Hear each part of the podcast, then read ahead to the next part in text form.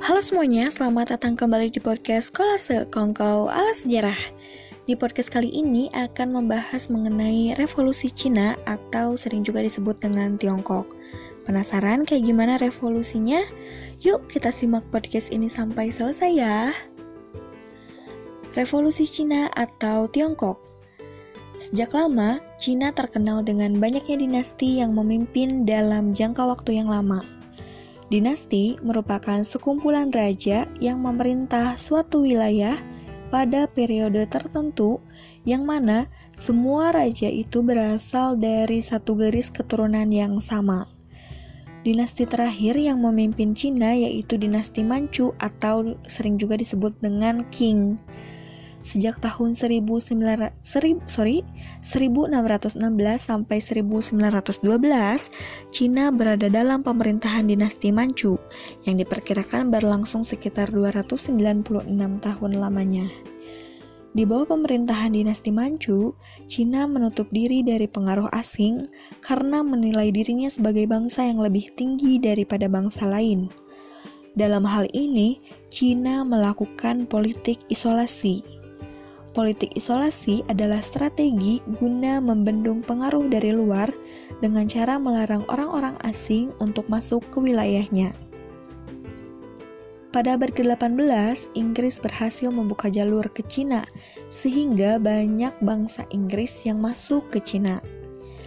Awal mula adanya kontak dengan Inggris, yakni adanya hubungan kontak dagang dengan membuka kegiatan perdagangan sutra dan teh. Dari kontak dagang tersebut, Cina berhasil mendapatkan keuntungan yang cukup besar. Awal mula, hubungan dagang dengan Inggris berjalan dengan baik, namun hal tersebut berubah ketika Inggris mulai menyelundupkan candu atau opium yang berasal dari India ke Cina.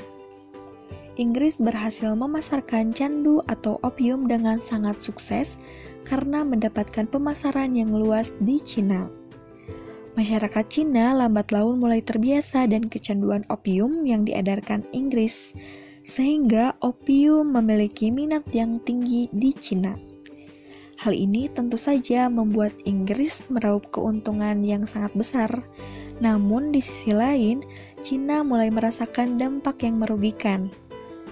Adanya perubahan sikap moral masyarakat yang lebih kriminal, anarkis, merupakan dampak yang ditimbulkan dari ketergantungan adanya candu atau opium.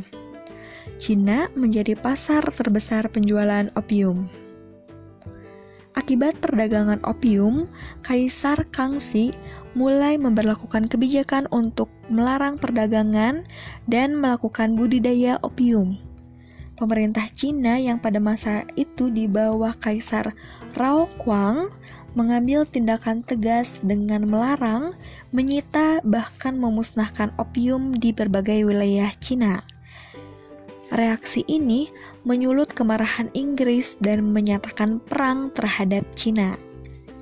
Perang tersebut dikenal dengan Perang Candu di tahun 1839 sampai 1842 yang kemudian akan dilanjutkan lagi di Perang Candu kedua dan dalam kedua perang tersebut Cina selalu kalah sehingga terpaksa untuk menandatangani perjanjian Nanking dan juga perjanjian Nanjing.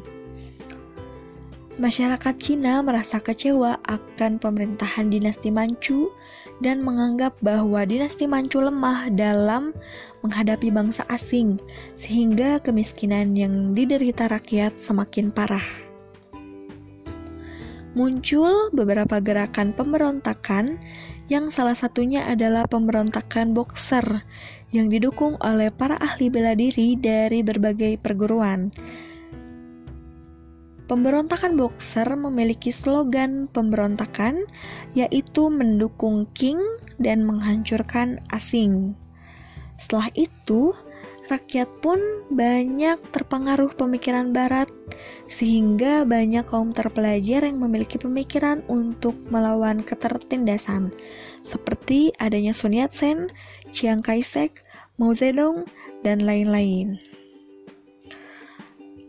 Lalu adanya perang candu, perang candu 1 dan perang candu 2 yang memaksa Cina untuk menandatangani perjanjian Nanking maupun Nanjing. Yang salah satu dampaknya adalah Cina harus menyerahkan Pulau Formosa atau Taiwan ke Jepang. Jalannya revolusi Cina diawali dengan kekalahan-kekalahan Cina dari rentetan peperangan yang terjadi. Cina selalu kalah dan rakyat menganggap bahwa pemerintahan dinasti Manchu lemah dan tidak mampu melawan bangsa asing. Munculnya gerakan yang ingin menumbangkan kekuasaan dinasti Manchu karena dianggap lemah dan tidak sanggup untuk memberantas bangsa asing.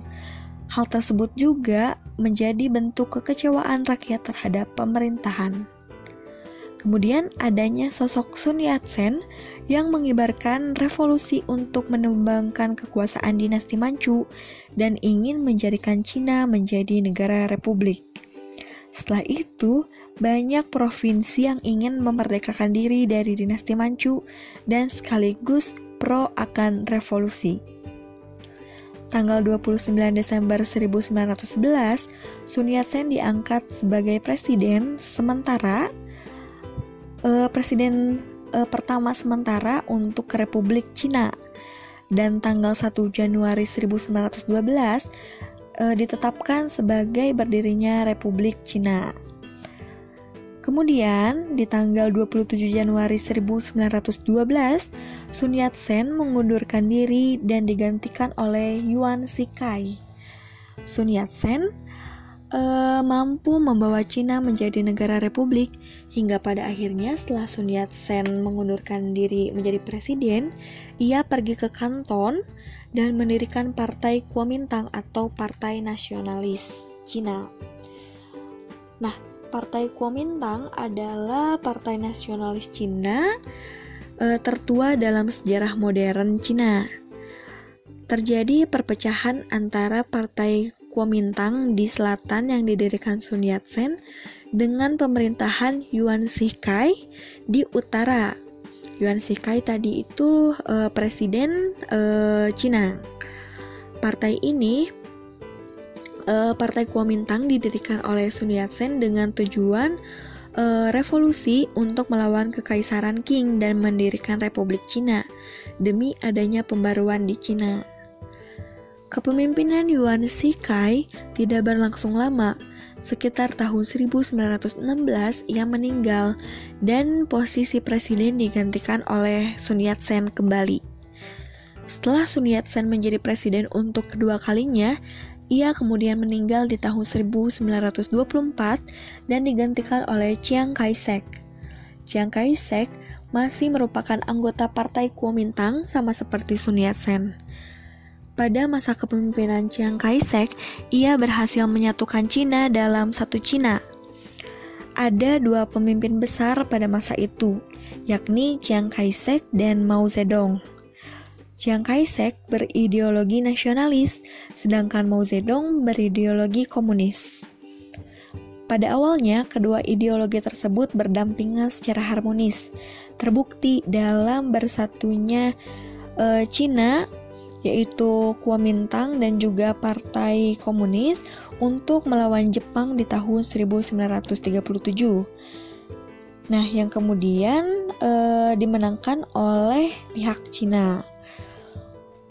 Partai Komunis Cina dan Kuomintang bersatu dan berjalan beriringan hingga pada akhirnya keduanya terpecah dan kondisi menjadi memanas.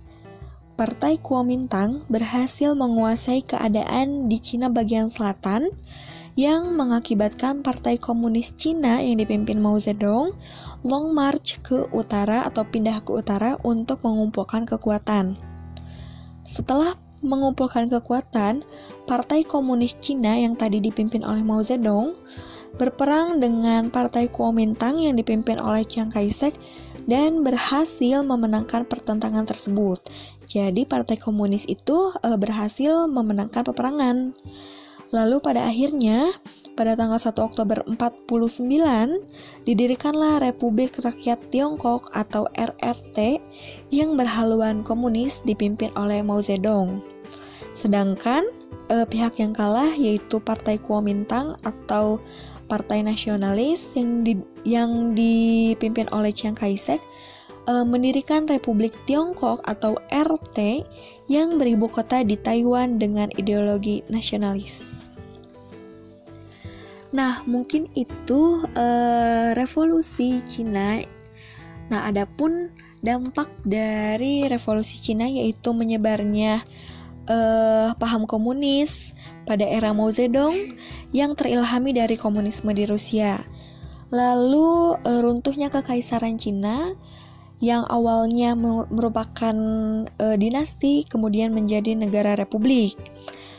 Nah, kemudian uh, Cina yang semula menjadi apa ya menutup diri atau melakukan politik isolasi kini menjadi apa ya menjadi negara yang terbuka dari dunia luar sehingga terjadi perkembangan dari berbagai sektor.